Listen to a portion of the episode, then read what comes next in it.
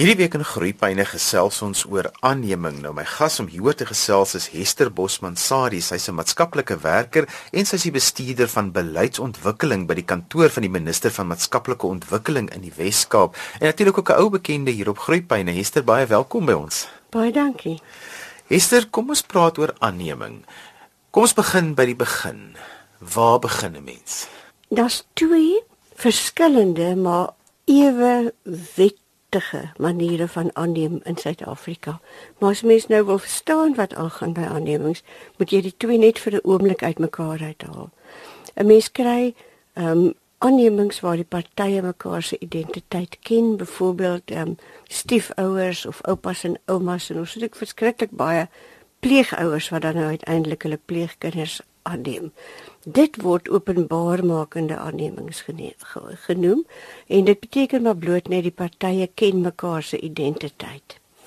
Dan kry mens nie openbaarmakende aannemings vir die partye mekaar nie ken nie en daarvoor het ons 'n nasionale lys by ons nasionale kantoor van maatskaplike ontwikkeling in Pretoria en hierdie lys word genoem die RECAP. Dit is die register for adoptable children and parents. So as 'n uh, uh, privaat praktisyn in in um spesialis in aanneming nou mense gekeur het en bevind het dat hulle aan die wetlike vereistes voldoen om te kan aanneem, maar daar is geen familiekind of bekende wat hulle wil aanneem nie, dan registreer mense hulle op die nasionale lys in Pretoria ewe so die kindertjies wat gebore word en wat miskien in die hospitale agtergelaat word en wat geen ouers het nie.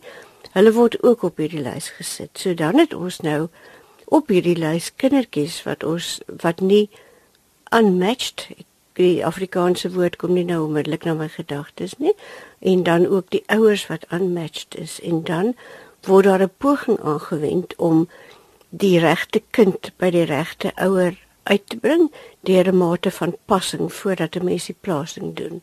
As dit byvoorbeeld 'n universiteitsprofessor is wat op die op die uh, lys is, dan sal ons kyk vir 'n universiteitsstudent. As dit 'n baie sportiewe persoon is wat op die lys is, dan sal ons kyk vir atletiese natuurlike ouers. So dit is die twee hoofsoorte waar die mens moet onderskei. As jy gekeer is as 'n aanneem ouer, dan is jy vir albei hierdie soorte gekeer. Jy kan gekeer wees om 'n kind wat jy nie ken nie te ontvang en dan skielik raak jy nog nie verwagtend. en dan is jy reeds dan is jy ook gekeer om 'n privaat aanneming te kan doen. Is daar ons verskillende roetes wat 'n mens mos kan volg as dit kom by aanneming? Dis die staatsroete en dan is daar ook mos mense wat in privaat praktyk staan wat ook aannemings kan reël. Verduidelik gou vir my hoe dit werk.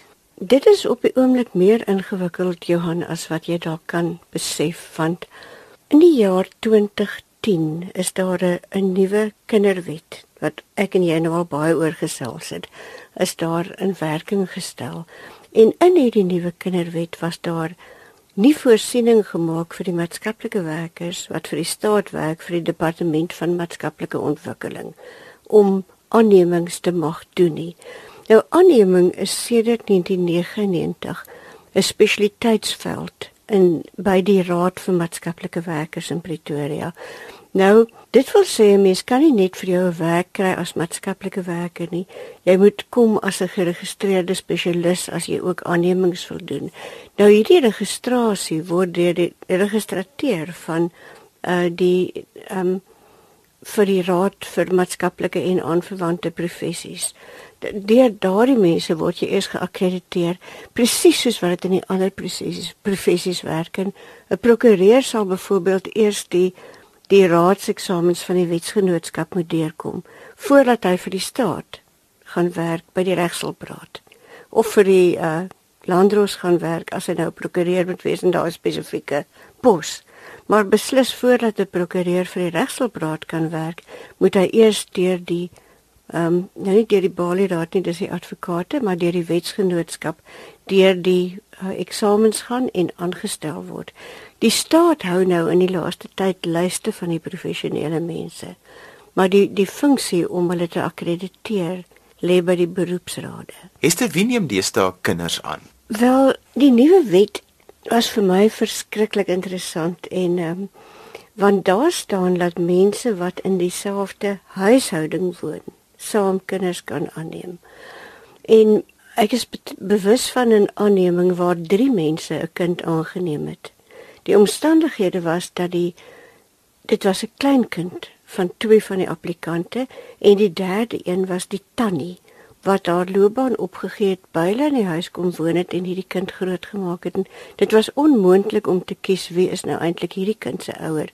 En die aanneming is toe so deur omdat hulle saam in een huishouding gewoon het dat al drie van hulle aanneemouers was. Nou wanneer 'n mens in Suid-Afrika getroud is, is dit nie moontlik om 'n kind aan te neem sonder jou jou uh, eglied nie, sonder jou maat nie. Ehm um, dit is 'n praktiese reëling want as 'n die tweede party in die huis miskien nie entoesiasties is oor die kind nie, kan die kind waarskynlik beter doen as om aangeneem te word waar hy altyd onwelkom sal voel. Dan ons het geweldig baie enkellopende persone wat kinders aanneem in die vroeë jare was daar 'n beletsel op gewees. Ek onthou nou die afgelope 100 jaar se wette want ek is mos nou al amper net so oud ook. So in die in die 1983 wet uh moes 'n spesiale toestemming gekry het van die minister om 'n kind as enkellopende te moet aanneem. Nou al daardie dinge het nou weggeval. 'n Mens moet bloot net bevoeg wees. Jy moenie 'n kriminele rekord hê nie. Jy mag nie wees op die lys van die departement van maatskaplike ontwikkeling van persone wat nie met kinders mag werk nie. Nou dit moet onderskei word van justisie se lys van sexual offenders. So justisie het sy eie lys, maatskaplike ontwikkeling het sy eie lys waar 'n kriminele veroordeling nie 'n voorvereiste is nie. Dan het ons verskriklik baie persone selfde geslag aannemings. Ons baie daarvan seker helfte van die aannemings op die oomblik wat ons doen word uh, word gedoen deur mense van dieselfde geslag wat saam wil aanneem. Daar's so baie ouers wat so maklik kinders het en dan kom 'n mens baie keer agter eintlik moes hulle nooit kinders gehad het. Dis 'n vreeslike ding om te sê, maar eintlik moes hulle nooit kinders gehad het. En dan kry jy hierdie hoogs liefdevolle, bekwame paartjie wat deur 'n ongelooflike proses moet gaan om kinders te kan aanneem dit is nogal nie dis nie 'n maklike proses. Jy laat dit nou maklik klink, maar dit is nie 'n maklike proses nie. Nee, dit is nie 'n maklike proses nie. Die die tegniese probleem is dat hierdie ouers wat nooit moes kinders gehad het nie.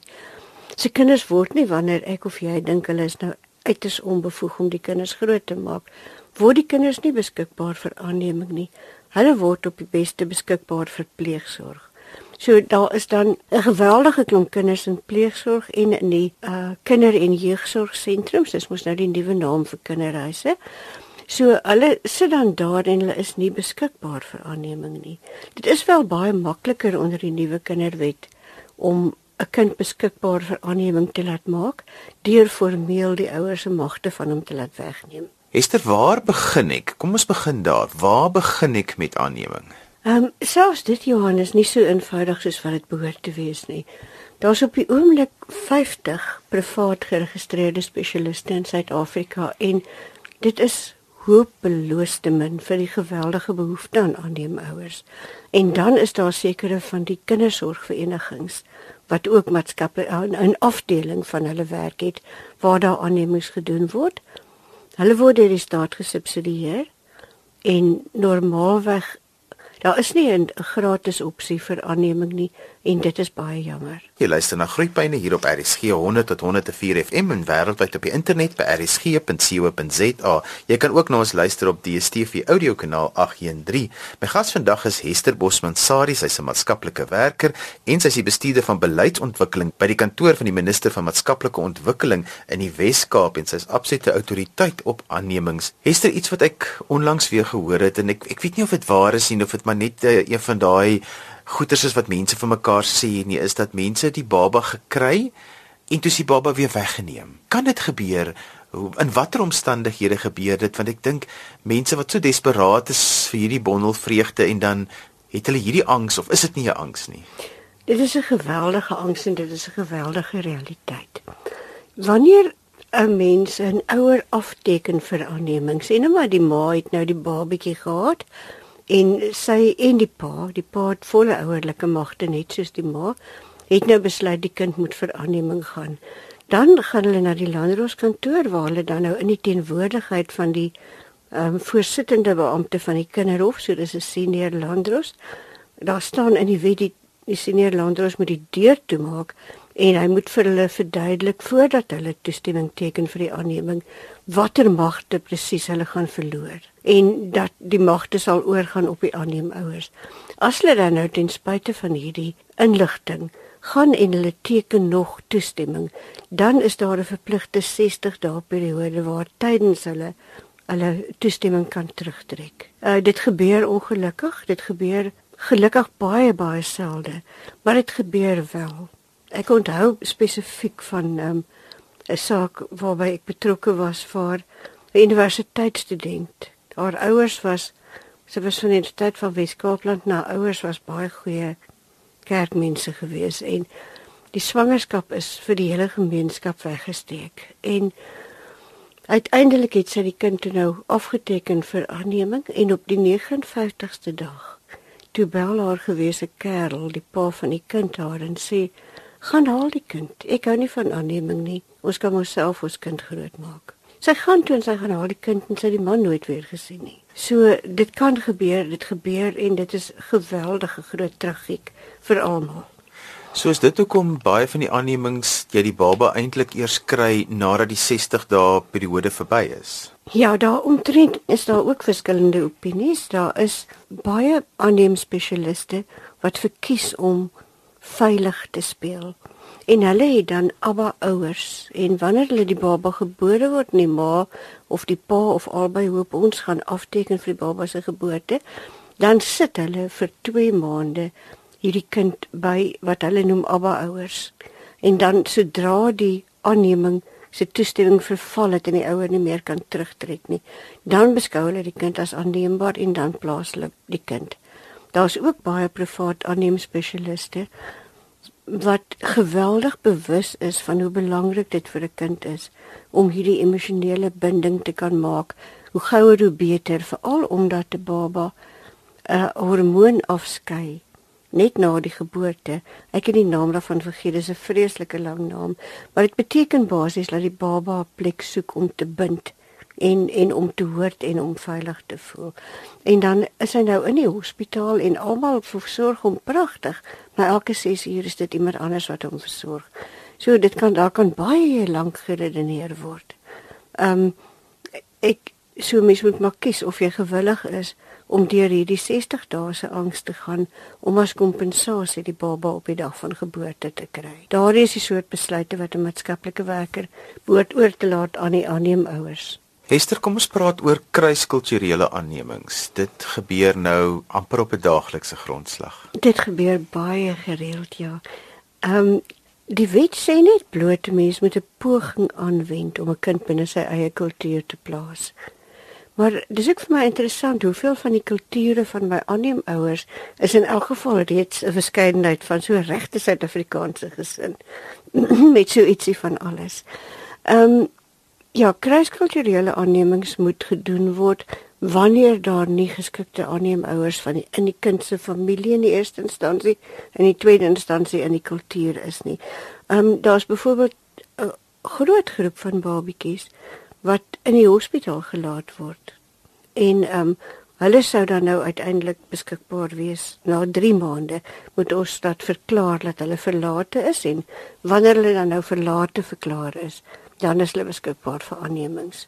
So dis nou ons nasionale lys. Jy kry die kind 'n bietjie ouer, 5 of 6 maande oud, maar jy het nie daai spanning om deur te gaan van die ouer wat daar kan terugkom en van opinie verander nie. Esther, watter wenke het jy vir voornemende ouers wat vir wie aanneming eintlik die opsie is om kinders te hê? Ek dink hoe gouer hulle kan geregistreer word op die nasionale lys, hoe beter want dan gaan daar nie 'n geleentheid by hulle verby nie as gevolg van die feit dat daar so lank tyd verloop. Ehm um, tussen wanneer jy aansoek doen en wanneer jou keuring nou uiteindelik gedoen is en dan begin die soek natuurlik nou na die regte baba. So ek sou sê kom so gou as moontlik op die lys ek sou ook dink dat 'n mens moet voordat jy die kind ontmoet as daar 'n moontlikheid is. Jy moet nie net dat jou emosies die oorhand van jou neem en jy die kind gaan haal nie. Jy het die reg om te vra vir die volledige geskiedenis, jy het die reg om te vra vir al vir die volledige mediese geskiedenis. En daardie mediese geskiedenis lees jy dan nou nie self deur en besluit jy kan met hierdie of daardie saamlewe nie. Jy vat dit na 'n pediater toe en jy gaan sê vir hulle, "Sou jy hierdie kind aanneem?" Ek was nou onlangs um, weet ek van baie baie vooraanstaande dit was nou moslim mense wat uh, lank vir 'n baba gewag het.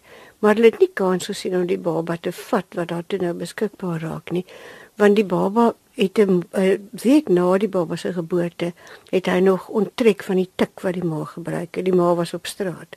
En hulle moes uiteindelik met groot hartseer en met 'n groot meningsverskil tussen die voornemende aanneem ma en aanneem pa, moes hulle toe nou besluit hulle gaan die kind nie neem nie. En ehm um, dit is 'n baie wyse besluit geweest want die kind het binne 'n maand na hierdie besluit het die kind net gesterf in sy baba bedjie. So die kind was te veel breinbeskadig voor geboorte. Esther, jy sê nog 'n belangrike ding want in die tyd wat baie mense kinders wil aanneem, is hulle so desperaat dat dit so emosionele behoefte is dat ons nie daaroor dink nie. Dis seker hoekom dit belangrik is om hierdie pad saam met iemand wat te stap wat daardie stadium vir jou kan adviseer en sê geen tree terug. Kom ons neem die regte besluit ja. vir die lange duur. Ja, dit is presies hoe dit is. Mense het regtig nodig en Die ek sal nou nie vir julle verveel vandag met die verskriklike tegniese ingewikkeldhede van 'n aanneming nie, maar dit is baie dit is baie ingewikkeld juis omdat aanneming so maklik kan grens aan 'n ander onderwerp waaroor ons te ges, moet gesels en dit is kinderhandel. Dit is nie altyd moontlik vir 'n mens om te weet waarmee 'n persoon besig is nie. As 'n mens nou begin, jy mag byvoorbeeld nie babetjies werf deur stil te hou by 'n swanger ma in die straat en te sê het jy sorg vir die baba nie. Dit grens dan nou daarna om babas te probeer werf en dit mag 'n mens nie doen nie. Dit moet die ouers se eie besluit wees. Esther om af te sluit Baie keer as ouers die pad van aanneming wil loop, dan het hulle alreeds 'n lang pad geloop om self te probeer swanger raak hulle is deur die hele proses van in vitro bevrugting wat wat 'n ongelooflike impak op 'n verhouding het en druk op 'n verhouding sit. Ja. Hoe hoe lank moet 'n mens wag voordat 'n mens dan die aanneming want jy moet tog nou eers julle verhouding moet weer op 'n vlak wees sodat ons kan aanneem. Dit sal nou deel wees van die kering en as die maatskaplike werker die spesialis in aanneming nou hierdie mense keer dan sal sy dikwels vir hulle sê ek dink julle moet eers vir die huweliksterapie gaan of ek dink gee dit 'n paar maande. Party ander mense is weer gereed. Ek weet van 'n dokter en sy vrou wat er, hulle kind is doodgebore en hulle het feitelik onmiddellik daarna besluit hulle wil nou aanneem, maar hulle wil nie hulle doodgebore seentjie vervang nie. En toe neem hulle 'n swart dogtertjie aan. En dit is een van die dit was baie gou na hulle kind se dood. En dis een van die mees suksesvolle aannemings wat ek ooit die voorreg gehad het om te sien. Esther vir jou wat al so baie die proses en die pad gestap het. Wat maak vir jou opgewonde om hierdie te doen? Ek dink ek is onder andere ek sou so hoop tegnies geïnteresseerd in die ontwikkeling van wette, want anders sou ek nou nie spesifieke werk kon so geniet het soos wat ek op die oomblik het geniet nie.